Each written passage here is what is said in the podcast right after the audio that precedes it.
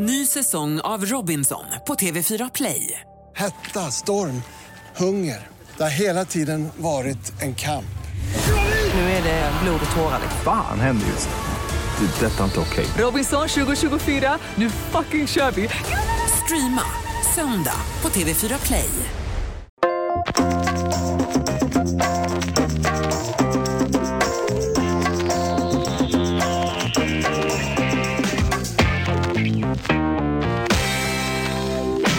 Välkomna till Eurotalk Weekend. Eh, Ja, här sitter jag, Christian Borell, med Samuel Leachholm. Och eh, jag hoppas att du har haft en, en bättre morgon än vad jag har haft.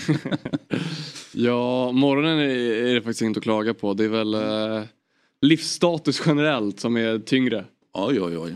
Livsstatus. Jag vet inte om man ska uttrycka det så kanske. Men Nej. eh, det är tunga Fo- tider. Fotbollsspelar livsstatus. Ja, eller, Eller rent generellt. världsmässigt. Det är tunga grejer. Ja. Ja, jag lägger det på ett, på ett lite annat plan då. Jag, jag är så otroligt irriterad för jag, jag åkte med en väldigt dålig busschaufför hit. Gasa på lite, släppa upp, gasa på lite, släppa upp. Det, du vet, 25 minuter av det. Man är inte nöjd då. Nej, nej. Alltså man är Nej, inte nöjd efter två minuter. Men tänk att kanske han kommer på bättre tankar. Det fanns aldrig en, en eh, fundering där du bara valde att hoppa av. Jo, eh, men jag tänkte att kommer jag till Slussen, för eh, beroende på vilken buss man tar, ofta byter de ju, eller ofta, men hyfsat ofta ändå så byter man ju Chaufför där. chaufför där. Jag tänkte, ah, och, och jag, ah, hoppas nu. I vanliga fall vill jag ju inte ha något byte, då vill jag ju bara rulla på. Men just nu tänkte jag, ah, men hoppas nu att det blir byte här. Och så blev det såklart inte byte. Så att han, ah, han, han fick mig irriterad i alla fall kan jag säga. Ja. Mycket dåligt. Och jag tänker, det, det, men det är ju lite grann som, ja, man kan ju göra fotbollsjämförelser här. Jag menar, liksom domare som, som, som inte håller jämn nivå. Motståndarlag som, som eh, ba- bara ser till att få, du vet, maska och få avbrott och avblåsningar hela tiden. Så att eh, det är ju egentligen fotboll jag pratar om och, och rytmen i spelet här. Va? Du hade låg effektiv speltid. Ja, herregud. Eh, men sen blev jag på gott humör faktiskt. Eh, det är mycket färdmedel här initialt faktiskt. En av de mest fantastiska bilar i, i historien helt plötsligt gled förbi Dobbs studio. Får man gissa vad det är? Ja, det kan du få göra. alltså det är ett italienskt märke eller? Nej, nej. Nej, då, jag, då har jag inget. Nej, jag är inte speciellt, alltså, för det första är jag inte bilintresserad Nej. Egentligen. har inget körkort och allt det där. Va? Det har jag. Men vissa grejer går jag igång på och det som gled förbi här var ju då straight out of early 90s en Nissan Figaro. Eh, Det skulle jag aldrig sett. Ja, den är fin. och nu får, du lite, nu får du lite hjälp här. Det här är alltså en Nissan Figaro, helt otroligt eh, cool bil. Så fick mig på gott humör, det var tur för jag var, jag var, jag var genuint sur när jag kom kan jag säga. Eh, Hade den här kunnat få dig att skaffa körkort? Om du hade, om du hade Ja. fått den här bilen imorgon, hade det motiverat dig till att ta, ta lappen? Ja, jo, det får jag väl erkänna att det är så. Ja. Ja. Ja. Nej, men så där har du vet min, din eh, familj som vill, som vill motivera dig till det här. Att det, är, det är det här som krävs. Ja, ja, de kan ju, precis, de har väl kanske försökt. Så att, eh, ja, eh, otroligt mycket färdmedel som sagt var lite otippat då för att komma från mig. Men, men både bussar, bussar är inte så konstigt, jag är uppvuxen i en bussfamilj så jag vet ju hur buss ska köras va, även om jag inte kör buss själv. Så jag är en jävel på att åka med kan jag säga. Vad tar vi med oss ifrån helgen som gick då? Ehm, Får väl börja någonstans i, eh, i svensk succé-ärna kanske. Nu eh, skjuter jag vilt här men eh, Victor ja, vad är det för succéer? Ja men Victor Gyökeres går ju som tåget nere i Lissabon och eh, Lissabon som stad, wow, men Lissabon som också spelplats, fortfarande wow. Eh, häftigt land, Portugal, häftig kultur, bra liga, bra lag. Att vi har en svensk som går så starkt där nere, det, är- det är ju svinhäftigt tycker jag verkligen. Eh, gör mål i typ varenda match och, och tränaren verkar ju eh, älska honom och fansen verkar älska honom och det snackas redan. eh, Han kom ju bara för två, tre månader sedan att de vill förnya hans avtal för han har en utköpsklausul i det och höja den här utköpsklausulen och höja lönen och han är redan rekordspelare i Sporting då. då.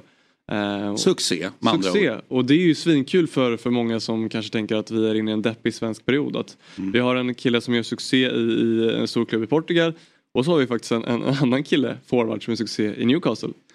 Vi har en svensk eh, som ligger tvåa i Premier League eh, skytteligan. Det var länge sedan eller? Sen gäller ju det också att de, jag menar, i ett svenskt perspektiv, vi kan ju sitta här och vara jättenöjda över det, vi ska prata landslaget lite senare. Eh, det gäller ju också att man kan ta succén in i landslaget och till exempel ja, eh, till att börja med få speltid.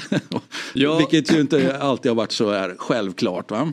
Nej, och jag bara gläds just nu åt att eh, svenskt anseende när vi får ut sådana här spelare som lyckas i stora ligor, i stora lag med stora fanskaror. Det är bra för svenskt anseende. Mm. Så där, där ligger min lyckobit. Sen finns det väl kanske mer att önska i ja, men i andra format och eh, det hade varit jättekul för oss alla om de smällde in 15 mål vardera i nästa kval eller något dylikt. Det hade vi alla varit eh, supernöjda över. Men Idag så, så väljer, jag, väljer jag den vinkeln att svinkul att det går bra för, för två svenska forwards i två storklubbar utomlands. Eh, och nu har vi ju ett landslagsuppehållbekymmer. Ja. Där är vi ju inte, vi sitter ju här och är lite och är irriterade, visst är vi det? Va? Liksom tycker, ja. det, det känns inte som en välsignelse i alla fall. Nej, och det beror inte nödvändigtvis på, på att, att det svenska landslaget haft det lite tufft senaste tiden utan det beror på landslagsuppehåll som liksom helhet. Mm. Det är så tråkigt. Mm. Det är så tråkigt och det, är, det känns som det är landslagsuppehåll hela tiden. Det var ju ett i september, det kommer ett nu och det kommer ett i november också. Ja. Och, och, vi kommer vara lika irriterade då. Ja men precis och det känns någonstans som att um, i och med ja, men att intäkterna ska in så att säga från Fifa eh, så är det ju fler landslagsmatcher, det är fler turneringar, det ska bli fler lag i internationella turneringarna. Pratade lite här innan sändning om, om upplägget här, eh, VMs 100-årsjubileum eh, där det ska spelas på olika kontinenter, eh, VM och sådär. Eh, det känns som man, eh, man tappar intresset för, de, för landslagen och alla landslag egentligen, hela landslagsmaskineriet för att man urvattnar det så mycket som man gör. Förut kändes det som det var exklusivt att spela landslagsfotboll och det var häftigt och det var coolt. Det här hände liksom fyra gånger på ett år och kanske, eller tre gånger på ett år och en stor, ett stort mästerskap däremellan liksom. Men, eh, men nu känns det som att det är landskamper hela tiden och, och alla kanske många ointressanta matcher oavsett vilket landslag det är man håller på eller följer. Så det är ganska många ointressanta matcher som, som bara ska betas av helt enkelt. Ja, jag vet ju vilka landslag jag följer. Eh, det vill säga Italien såklart, Argentina såklart, Uruguay såklart och så kan man alltså, och, och eh, jag ska inte säga numera för det har, har, varit så tidigare också men sen beror det lite grann på vad det finns för spelare. Men så finns ju Montenegro också. Va? Så att eh, jag, jag har ändå några grejer där jag är, ja, men det är lite pepp på att se vad som händer. Ja, och... Eh, och... så vill man ju att, eh, ja, till exempel, ja, Kustovic, ja, men han får ju hemskt gärna inte bli skadad om man säger så. Va?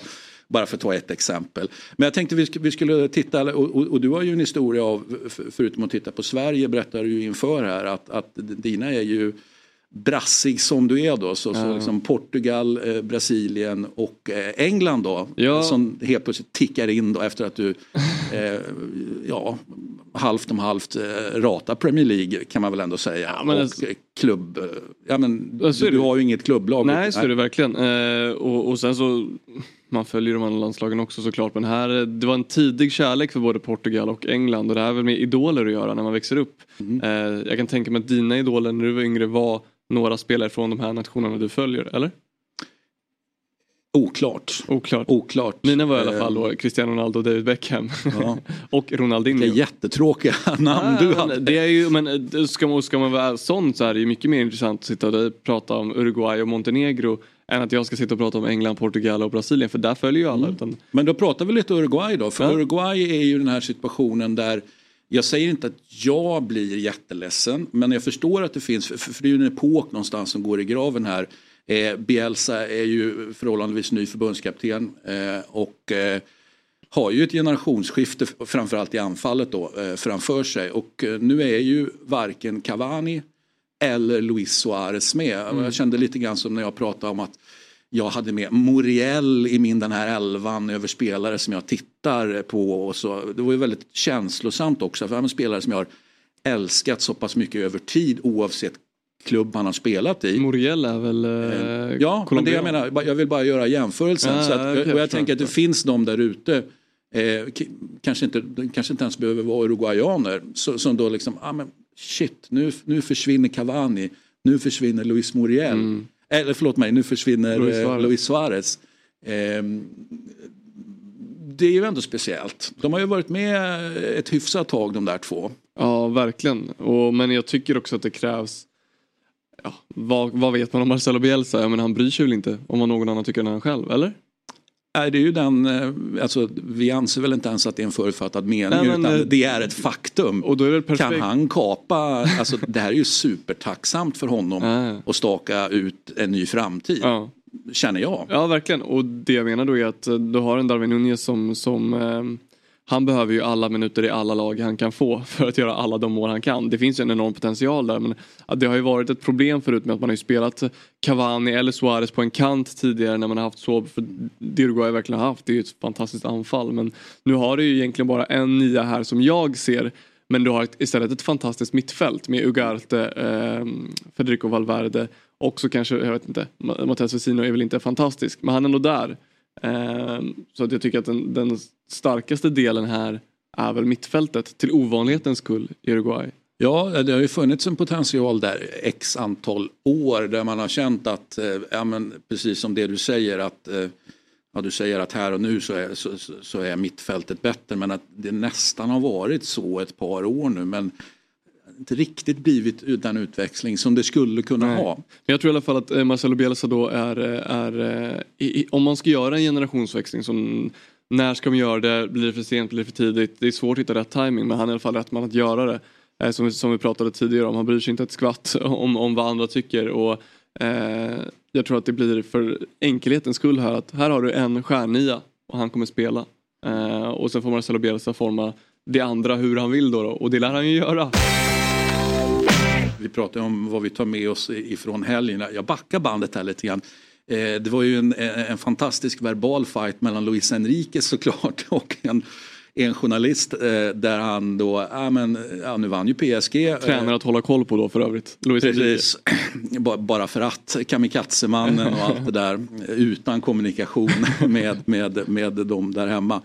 Eh, men, eh, verbal fight var jag på. Eh, ja, men de, de vinner men eh, tycker Luis Enrique att ah, men nu, nu, fan, nu, nu, nu är det för mycket gnäll här. Liksom. Jag menar, vi, liksom, ni, ni gnäller när vi förlorar, ni gnäller när vi vinner. Ingenting är bra. Och avslutar med att du fattar ingenting.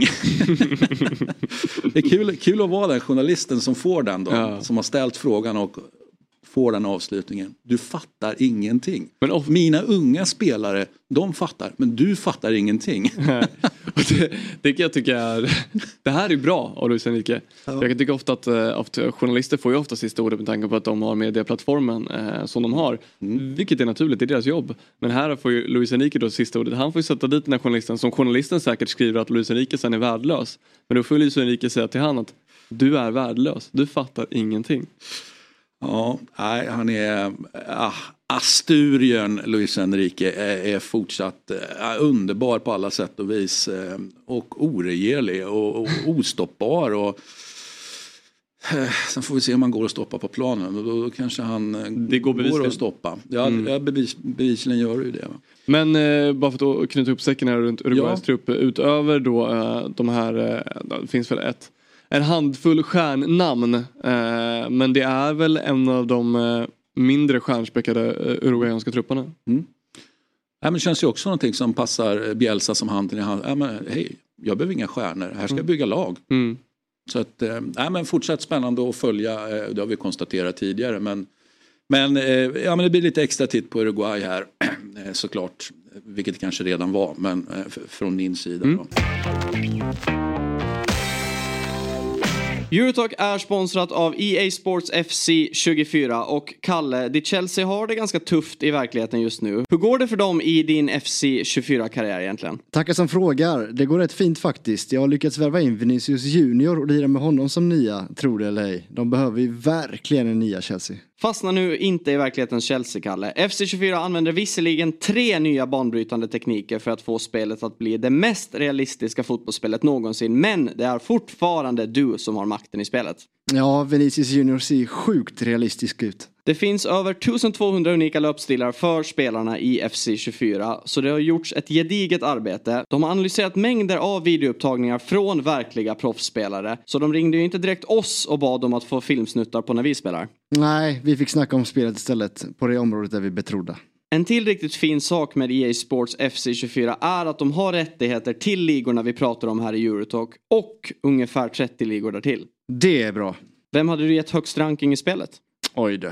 Ehm, Alexia Putellas eller Erling Haaland skulle det nog bli då. Mm, du är överens med spelmakarna. De två delar första platsen tillsammans med Mbappé och De Bruyne. Det är respektingivande att ha sådan koll alltså. Ja, de gör jobbet där borta på EA Sports. Nu är det bara att längta hem hela hösten och hoppas att din FC24-karriär smittar av sig på verkligheten. Det hoppas jag med. Vi säger stort tack till EA Sports FC24 som sponsrar Eurotalk. Poddtips från Podplay. I podden Något Kaiko garanterar östgötarna Brutti och jag, Davva, dig en stor dos skratt. Där följer jag pladask för köttätandet igen. Man är lite som en jävla vampyr. Man har fått lite blodsmak och då måste man ha mer. Udda spaningar, fängslande anekdoter och en och annan arg rant. Jag måste ha mitt kaffe på morgonen för annars är jag ingen trevlig människa. Då är du ingen trevlig människa, punkt. Något Kaiko, hör du på Podplay. Därför är Och sen har jag hört att eh, Sverige ska spela fotboll. Just. Eh, och eh, då är det som vanligt då upp på personbästa. Hur trött är man inte på att höra det? Jag är det i alla fall. Jag du behöver inte säga. Vad menar du? Upp på Janne? Andersson håller på och tjatar hela tiden om att ah, men för, att vi ska, för att vi ska få med oss och för att vi ska vinna, ah, vi måste upp på personbästa. Okej. Jag säger hör jag honom säga det en gång till, då vet jag inte vad jag gör. Okej. Nej, jag, jag, jag måste ha du har inte ens hört det? Nej, nej. Han kör ju den. Jag Han har ju så- några sådana här och sen sån, eh, då var då och nu är nu. Den då, har du hört den? Nej, det har du tydligen inte Alltså, heller jag gjort. skulle säga att jag är inte så presskonferensig om det är där han... Eh, ja, jag, kan, jag älskar ju presskonferenserna. Ja. För det är ju det som till syvende och sist alltid sänker alla, inte alla förbundskaptener, men många förbundskaptener eh, blir ju kanske efter lite smekmånad som kan vara i flera år eh, så brukar du landa i, i det här med media och då blir ju presskonferenserna ganska ja. Så jag älskar presskonferenserna. Tycker, jag kan tycka att de är, är mer intressanta än matcherna. Ja, Faktiskt. Jag menar inte just i, i, i Sverige-perspektiv utan rent generellt. Om, om vi tänker då på. Sverige-Moldavien, då ser du hellre fram emot presskonferensen innan eller efter Ja, det gör jag. än just matchen? Jag kan, kan hoppa upp och sätta det på. Ja. Ehm, men vad, vad, vad- vad, vad tror du vi får med oss där? Vi, vi får ju bevisligen inte med oss Hien var ju out innan Ja. och Ken Sema eh, Isak han ju bli har gjort uttagen eh, och, och, lämnade och sen Isak då Ja, som i- ju du redan har hyllat. Så vad, vad, vad, ja, vad är det för landslag du ser? Nej men det landslaget jag tror vi får se i alla fall är ju ett, är ett landslag som eh, som eh, kanske inte kommer spela den andra kvalmatchen. Det är väl ingen vågad gissning, det blir så det brukar vara. Eh, och vi kommer nog få se en, eh, en del eh, nyare spelare. Jag är väldigt spänd på att se Karl Starfelt, eh, kapten Celta Vigo och kom i somras med Rafa Benitez som tränare. Jag tror att han hade varit väldigt bra i eh, i den här landslagsbacklinjen. Han, det är ju väldigt många tyckare som säger att men vi har inga försvarsspelare eller dittan och dattan. Men här har vi en, en, en mittback som har sina främsta egenskaper i försvaret. Eh, det är hans främsta egenskaper och är det, är det de, man, de man då vill och tycker ska spela då tycker jag Karl Stolfer är ett bra alternativ till det. Sen är, känner jag ju Gustav Bety- Lagerbielke väl och jag tycker ju Gustav är en fantastiskt bra fotbollsspelare. Eh, och jag hoppas han får några minuter eh, i den här matchen och jag hoppas han visar det då för jag tycker att han är grym. Eh, Så eftersom det är då eh, träningslandskamp eh, först och eh, väldigt viktigt mot Belgien sen så, så sitter du alltså och, hoppas på egentligen att Starfelt inte spelar mot Moldavien. Han behöver, Ja, men- han behöver speltid Jag- mot Moldavien för att kunna ta plats mot Alltså vad jag eh, hoppas eller tror, jag, vet, jag, tror att det, jag tror att det vore bra att, eh, att eh, försöka spela ihop eh, med vissa linjer kanske eh, i men en halvlek kanske. Om det är eh, backlinjen kanske spelar en första halvlek eller centrallinjen kanske spelar en första halvlek eller högerkanten spelar kanske första halvlek och vänsterkanten andra så skiftar du då så. Det, det får man ju välja själv vad man tycker och tror eller om man ens vill göra så men jag tror att det kan vara bra att Um, ja, men, eh, fotboll är ju så mycket relationer och kemi och sådär. att Det kan vara viktigt att få känna på varandra, de här som inte spelar med varandra till vardags. Uh, och kanske inte har uh, 30, 20, 30 landskamper tillsammans, många av dem. Um, men uh, det ska ska bli spännande att se också. Hugo Larsson har ju fått supermycket beröm. Jag följer inte Bundesliga dagligen men i Eintracht Frankfurt och startade och gjorde mål i matchen senast. Får väl se om han startar den här matchen. Eller kanske till och med startar den om- inom situationstecken riktiga matchen sen då. Ehm, men nej, jag tycker att eh, jag tror att vi kommer få se ett, ett eh, reservbetonat lag men det finns ändå vissa spelare som, som jag är spänd på att se hur de gör mot det här Moldavien. Som vi ändå ska köra över. Eh, om jag säger att jag är ganska säker på att Jesper Karlsson spelar mot Moldavien just och, och eh, sen kanske inte alls. Ja men eh, du har ju med Jesper Karlsson din att följa elva. Ja, och hur mycket blir det att följa numera då? Förlåt? Hur mycket blir det att följa honom nu när han... eh, Nej, nej men jag, jag är såklart... Eh, Är du bekymrad? som- Eller är du... Nej, alltså jag, jag känner så här att eh, alltså Jan Andersson är ju på väg därifrån. Så att, så att om, om det är ett, alltså dels måste han ju visa framfötterna såklart i landslaget kan jag tycka att han kanske har gjort då. Sen är det såklart svårt att slå sig in. Eh, men det ska bli intressant att se sen när det, vi börjar på ny kula. Liksom. Det, tror jag, det tror jag att många av de så att säga, svenska spelarna, kanske de som inte är fullt ut så etablerade, att de känner att Ja, men att, att, att vi- visa en ny förbundskapten vad man går för. Mm. Eh, Och, och då kanske de ska börja redan nu om de får speltid. Ja, men så, jag tänkte mer på att ehm, Jesper suttit eh, två matcher 90 på, på bänken och bara hans ersättare Orsolini då. Eh, har gått som tåget. Det, var, Tåget. det var tredje gången i det här programmet som vi var inne på tåg tror jag. Det är ett Eh, kollektivtrafiktema här i... Ja precis, vi tror ju på infrastruktur. Sitter infrastrukturen Sitter då fungerar samhället, Ja, eller hur? va? absolut, det tror vi på. Eh, själv går jag igång på eh, otroligt pepp då på just den här processen. Det som händer liksom inför och, och under och precis efter. Eh, för nu ska vi ha en ny förbundskapten, det kommer ju bli så. Eh, jag vet att det finns en mikroskopisk chans men, men, men Janne är ändå någonstans out. Eh, och- jag tycker just liksom bytena av förbundskapten, från en till en annan, det fascinerar mig väldigt mycket. Dels hur processen går till, vad, vad vi har för, för eh, liksom, åsikter ute bland, eh, bland folket. Eh, och förbundskaptener har vi haft från 1962. Tidigare hade vi ju uttagningskommittéer. Det hör man ju på, eh, ja, det hör man ju på namnet vad det handlar om. Det vill säga det är fler personer involverade. Argumentet när vi hade un- under årtionden eh, de här uttagningskommittéerna Tycker du att eh, soppan blir bättre ju fler kockar det är eller inte? Nej, det tror jag väl inte. Men argumentet emot då, det var ju helt andra tider. Det var ju liksom att ja, men Sverige är ett sånt stort avlångt land. En person kan liksom inte Ah. hålla koll på alla spelarna. Vi måste, vi, vi måste ha flera. Såklart. Och så måste man såklart också, hör det väl till, ja, men liksom balansera lite, lite Malmö mot lite Stockholm, mot lite Göteborg.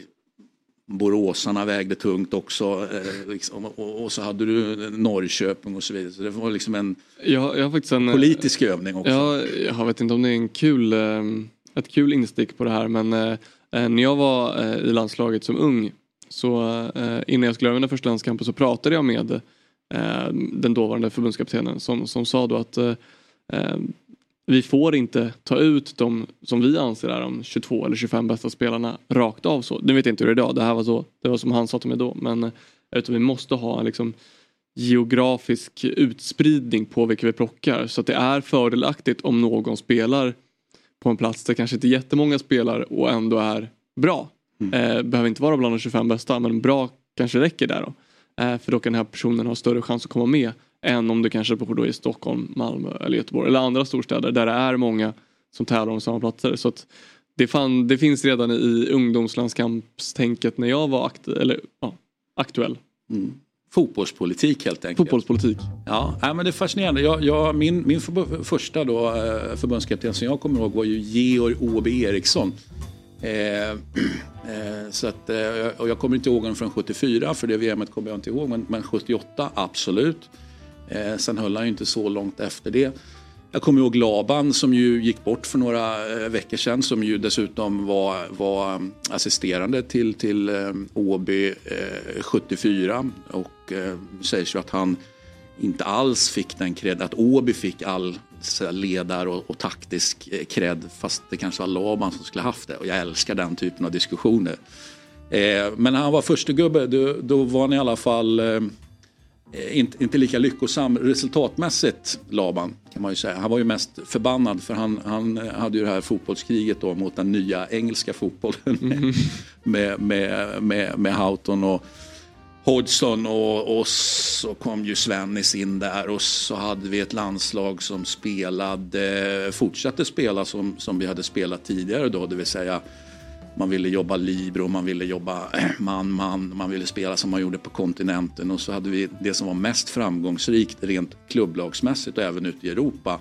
Ja, det var en helt annan typ av fotboll. Så det var ju, på ett sätt kan man säga en olycklig clash mellan två skolor. Alltså det, det blir ju mäckigt. Spelarna som du egentligen vill använda spelar en, ja, men en helt annan fotboll i klubblagen. Mm. Det är ju inte önskvärt i alla fall. Nej, verkligen inte. Känns som du är för libero generellt. Ja, jag har inget emot libero, men, men på ett bra sätt. Liksom. På ett bra sätt. då. Såklart. Eh, och efter Laban hade vi, hade vi Olle Nordin eh, som ju 1-2 hade ut sig. Eh, VM 90 såklart. Eh, och sen hade vi interimslösning som inte så många kommer ihåg. Eh, men han var ju faktiskt u eh, kapten Nisse Andersson då. Men det blev inte eh, Nisse Andersson utan det blev Tommy Svensson. Eh, som ju då ja, eh, höll där eh, fortet eh, kanske lite för länge. Känner, man inte igen det? Att man sitter kanske lite för länge. Jag skulle liksom, ha- men å andra sidan, en förbundskapten som säger ah, men, ah, men nu, tror jag att jag, nu tror jag att det är bra för mig, nu tror jag att, att vi har pikat. Det är ju liksom, nu är vi inne på de här hierarkierna vi pratade om i, i förra programmet, eller om det var förrförra. Ja, men det är ju någon som ska ta det beslutet ovanför dig såklart. Att, ja, men nu har vi nog, du har nog tagit det här till vägs ände och det var jättefint och det var jättebra. Eh, sen om man ska sluta på topp, topp eller liksom hyfsat nära toppen. Men jag kan ändå rent generellt tycka att vi har haft en, en förmåga här att ja, men vi byter när, när det går åt helvete. Alltså, det, det har varit fint och så går det åt helvete och så byter man liksom i helvetet. eh, och det tycker jag, det ska man liksom inte hålla på med. Eh, men Söderberg, Lagerbäck, eh, eh, ja ihop först, Lag, Lagerbäck solo sen. Erik Hamrén och så Janne Andersson då från 2016. Det var en, en, en kort recap. Eh, och innan eh, Åby där så var det Orvar Bergmark i, i vad blir det, fyra, fem år.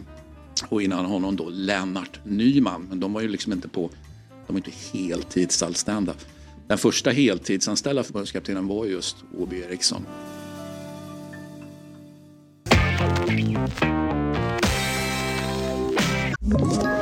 Ett poddtips från Podplay. I fallen jag aldrig glömmer djupdyker Hasse Aro i arbetet bakom några av Sveriges mest uppseendeväckande brottsutredningar.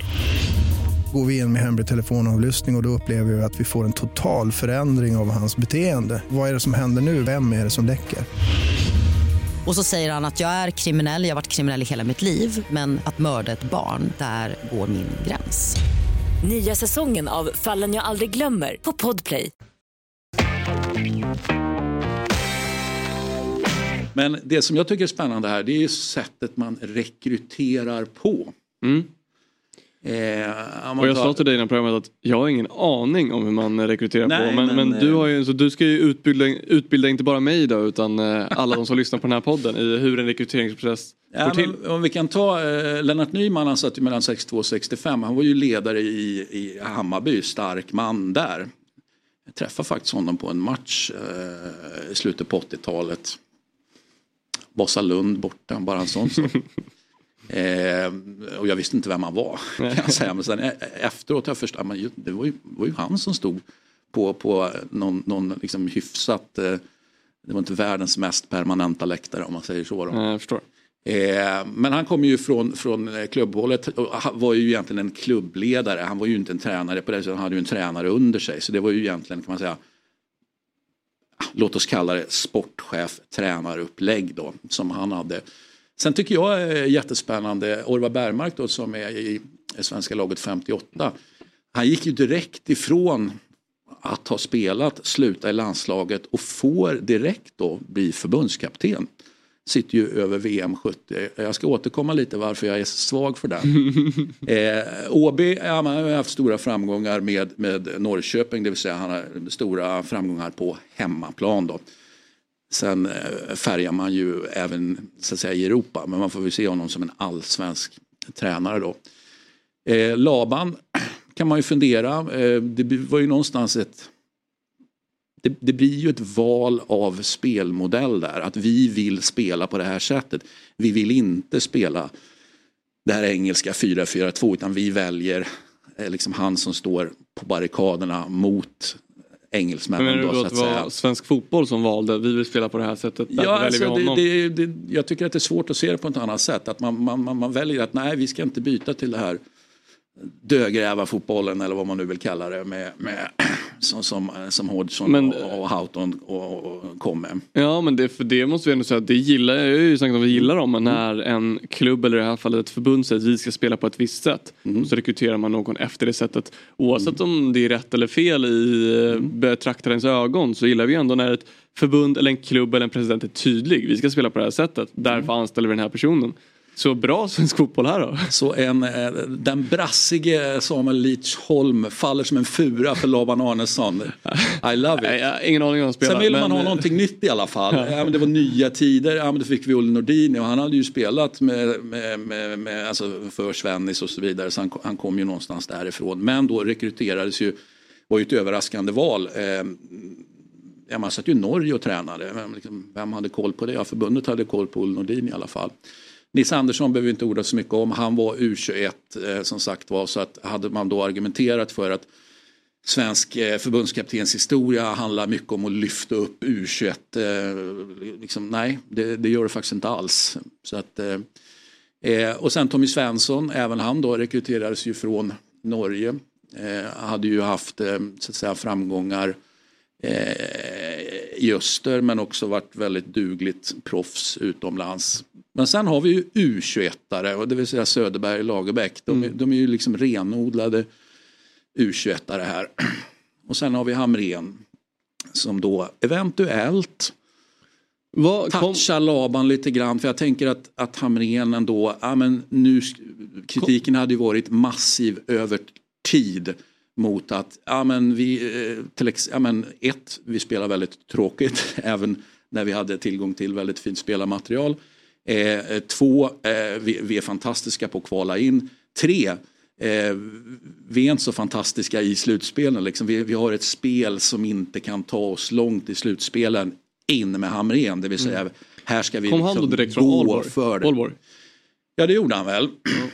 Så att eh, han, även han då kom från så att säga icke-Sverige. Ja, men jag tänker, det finns ju då en röd tråd i grannlandsrekrytering, eh, rekrytering, alltså svenskar Mm. som, som gör det bra i, i skandinaviska länder. Eh, efter Hamrén då, Jan Andersson som ju då, eh, jag vill inte göra jämförelse med Åby Eriksson för jag uppfattar eh, Åby Eriksson såklart större. Men nu råkar de ju ha IFK Norrköping gemensamt. Så att, eh, eh, men, men framgångar i allsvenskan helt enkelt då. Eh, då hade kanske Åby gjort mer med, som sagt var internationellt med, med Norrköping än vad Jan Andersson gjorde. Så där är lite, lite um, hur man har rekryterat historiskt. Det, det, var, var, några... Ja men slutsatsen blir, blir det som jag sa. Laban? Nej precis, det blir ju att eh, gör det bra i Skandinavien. Det är där, det är där du hittar det. Vi har väl, vad sa du, två fall här med gör det bra i Sverige, två, tre fall gör det bra i Norge, något fall gör det bra i Danmark. Det är, det är där du ska göra det bra. Men, men, och min fråga innan var ju det eftersom jag har väldigt svag koll på det här med rekryteringsprocesserna. Hur, eh, om när då Jan Andersson eh, blev tillsatt, om han var liksom eh, medias favorit att ta över eller om han var, eller oddsättarnas favorit att ta över eller, eller kom det som lite som en blixt från klar himmel? Eh, blixt från klar himmel vet jag inte men han var ju ingen favorit eh, rent generellt. Eh, så, så var det ju. Så någon slags överraskning får man ju räkna honom som. Ja, absolut, absolut. Så att, och många av de här är ju är ju så att säga överraskningar. Alltså, de som jag har levt med som jag kan relatera som, ja, men Olle Nordin var ju en överraskning. Tommy Svensson ja, gick väl också åt överraskningshållet kan jag tycka. Söderberg Lagerbäck ja, men kändes också som, som överraskning helt enkelt. Eh, Hamrén vill jag också räkna till, till överraskning. Jan Andersson, ja men lite överraskning. Så att rent generellt skulle jag säga då eh, om, om, om historien ger någon slags sanning så talar det för en överraskning om, om man fortsätter på inslagna vägen. Ja, Sen då- finns det olika val att göra i överraskningssegmentet. Ja, och då kommer väl till dina val i överraskningssegmentet. Nej, men jag har några namn som jag, som jag, som jag är, är, är sugen på som, som inte på något sätt är, är favoriter i, alltså rent generellt, men som jag gärna... Men dina favoriter? Ja, men jag tror att de skulle kunna göra det bra. För, det, för det är ändå utgångspunkten att det ska... Det, alltså, jag brukar ofta säga att jag ägnar inte så mycket tid åt svenskt landslag. Men det hindrar ju inte att jag vill att de ska gå bra. Alltså, jag, jag vill att det ska funka. Jag vill att någon, ska, någon svensk förbundskapten frälser mig och, och liksom får Dra mig tillbaka till, till landslaget. Eh, f- för så är det ju, att jag, jag är inte där så att säga. Men jag skulle inte ha något emot att vara det. Nej, nej. Så att jag har Du några... väntar på frälsaren som vissa av oss andra. ja, precis. Eh, frälsaren, precis. Som, eh, och då ehm, har jag ja, men bara, några funderingar på sådana. Det, eh, nu nu, eh, tjuvtittar vi lite grann på en, på en lista. Den är liksom på intet sätt i någon slags ordning. Ehm, men, men på listan står då eh, ja, men många av de namnen som nämns. Och så står det några då som, som inte eh, kanske nämns. Då. En, en som jag är helt övertygad om skulle göra det där bra är ju Rickard Norling. Numera i eh, tredje divisionen. Eh, han skulle vara, eh, han skulle göra, jag var på väg att säga han skulle vara en utmärkt förbundskapten, det vet man ju aldrig på förhand. Han skulle göra det där bra. Det, det är min fasta övertygelse. Sen är man ju lite jag, jag, vet, jag vet inte hur det är med det här med Tärn. Liksom. Om, om Tärntåget har gått. Eh, eller hur det nu är. Kan vara lite sugen på kanske det här Lennart Nyman-upplägget 62 till 65. Liksom att eh, okej, Tärn kanske inte är En så mycket hands-on. men låt honom vara typ liksom sportchefare då och så ha en tränare under sig. Och det är ju lite grann så som man eventuellt har jobbat i, i Värnamo. Man kan se på, på det på olika sätt, jag är medveten om det. Eh, men Tärn då med, eh, med någon helt enkelt. I, i, och, och så tar Tärn eh, liksom uppmärksamheten, media, allt det där. Vilket Mm. jag tror absolut att han då skulle palla. Eh, sen så eh, har jag en bubblare som jag är väldigt svag för. Också lite lex bakåt i tiden. Alltså lite lex Orvar Bergmark. Det vill säga gå direkt ifrån en lång och framgångsrik tjänst i A-landslaget och sen ja, men, förbundskapten. Eh, och, och då tänker du Zlatan Ibrahimovic, men så kul ska vi inte ha. Han är ju, är ju Kanske vad vi kan Milan bedöma på väg till Milan. Så att, nej, men jag, jag, jag säger så här, han skulle göra det alldeles utmärkt. Han har ingen tränarerfarenhet bevisligen för han spelar fortfarande även om han inte spelar så mycket. Eh, men jag, jag, jag slänger in Albin Ekdal här som hade tagit mediabiten absolut klockrent. Vet vad det handlar om. Spelar i landslaget, vet hur man når framgång med landslaget. Mm. Så att jag, är- jag är jättesugen på Albin Ekdal. Så, så det är de tre som jag tänker peta ut eh, som mina, ja, men, jag ska inte säga sköna namn, jag är inte ute efter att göra, liksom, komma med Dina namn till framgång? Mm. Ja, eh, som jag tror på. De där hade kunnat göra det bra. Ja, ehm, någonting mer du är sugen på ehm, att prata om? Nej, det är ju så här lite i, i, landslagsuppehållstider att det blir eh, mindre att prata om, mindre att diskutera om och, och speciellt så här eh, kanske innan en, en träningsmatch och innan några matcher har spelats. Eh, Vi får väl återkomma när det spelas lite, lite matcher som spelar någon roll och försöka utvärdera dem och får väl följa alla, alla olika landslag och, och grotta ner oss i dem. Mm. Eh, bara så att du vet då så börjar Montenegro mot Libanon. Det vill säga det är deras träningsmatch. För att sen då gå mot Serbien. Oh, det är en match.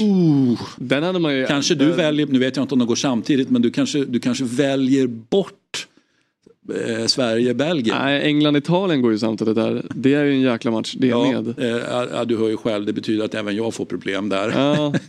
Men Serbien-Montenegro är ju en jäkla match alltså. Ja, ja, den, den eh, höll jag på att säga, den går inte av för hacker. Eh, jag ska också skicka med, vi ska inte prata jättelänge om det, men jag ska skicka med, och jag har ju utlovat då de här sportcheferna eh, som jag håller koll på under den här säsongen lite extra.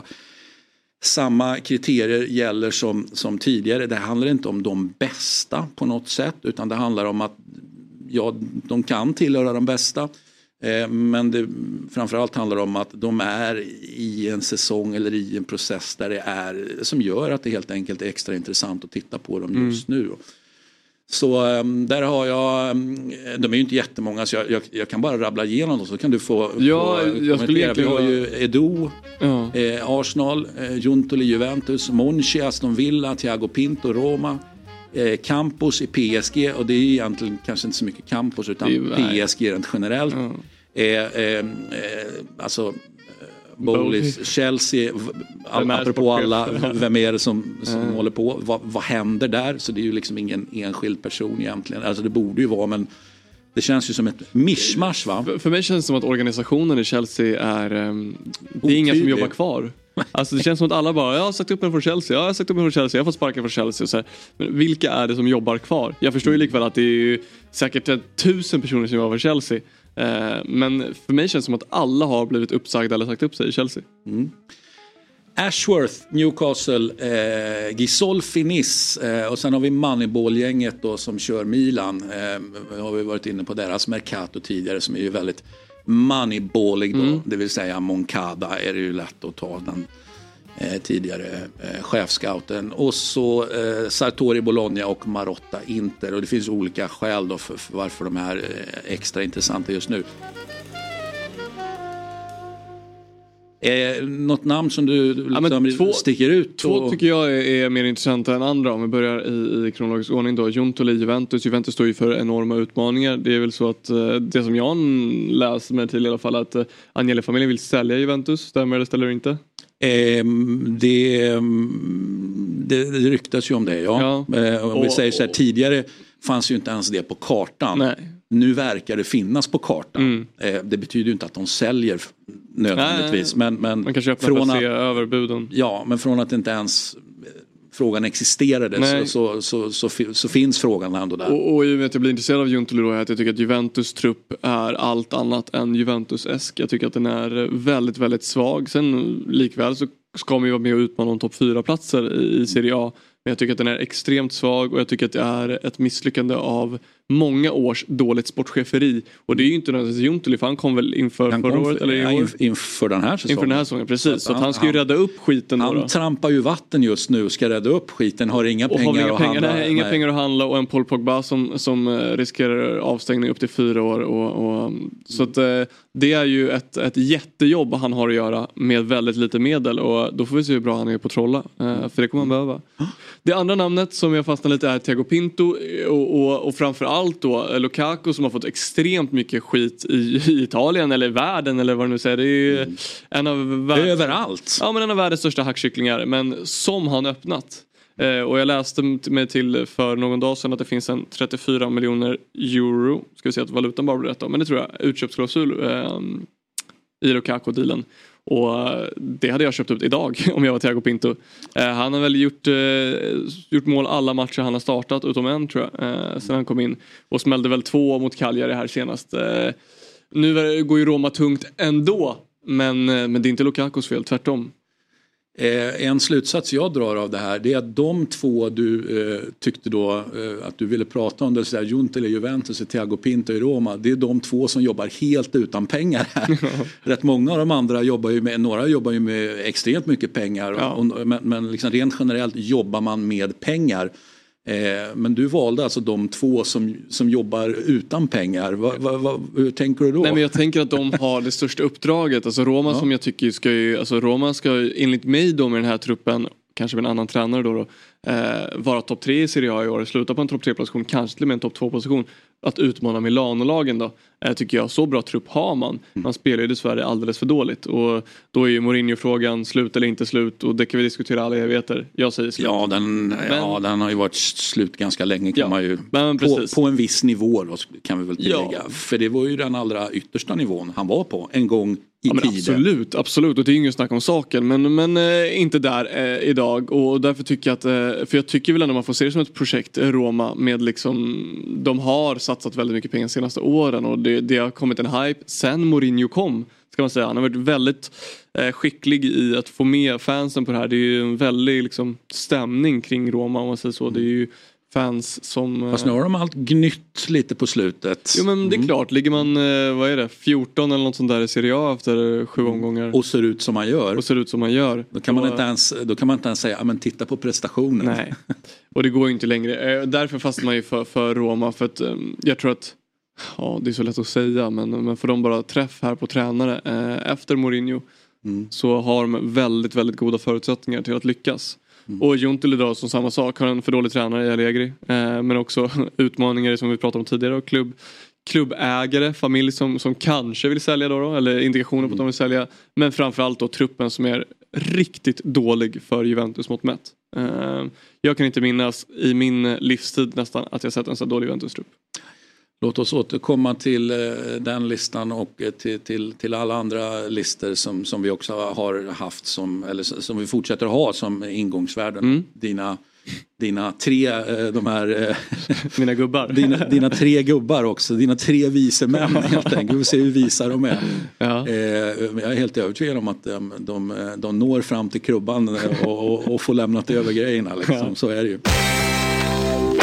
Eh, med det sagt Samuel, eh, eh, är vi klara för eh, den här gången. Eurotalk Weekend i den här versionen, eh, program nummer fyra, eh, har, har nått sitt slut. Ja. Och, eh, Underbart är kort, för så kort var det inte heller. Nej, det, det blir bra till slut det här men vi tackar alla som lyssnar och fortsätt gärna göra det. Ja, och så håller vi koll på överraskningar där ute. Koll på överraskningar, koll Och på de tre vise männen. och tre vise männen. Och Nissan Figaro och busschaufförerna som inte vet hur man kör. Och till slut Kamikaze Enrique. Precis. Eh, ni fattar ingenting. Du fattar ingenting. Så var det visst. eh, tack för att ni har lyssnat som sagt. Vi hörs nästa vecka. Ciao.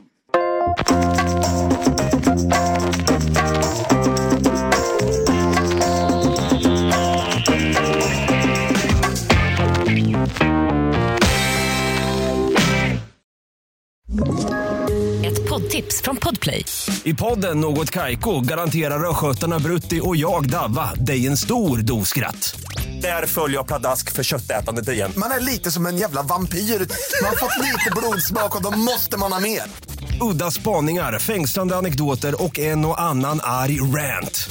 Jag måste ha mitt kaffe på morgonen för annars är jag ingen trevlig människa. Då är du ingen trevlig människa, punkt. Något Kaiko, hör du på Podplay. Därför arkadeinerna.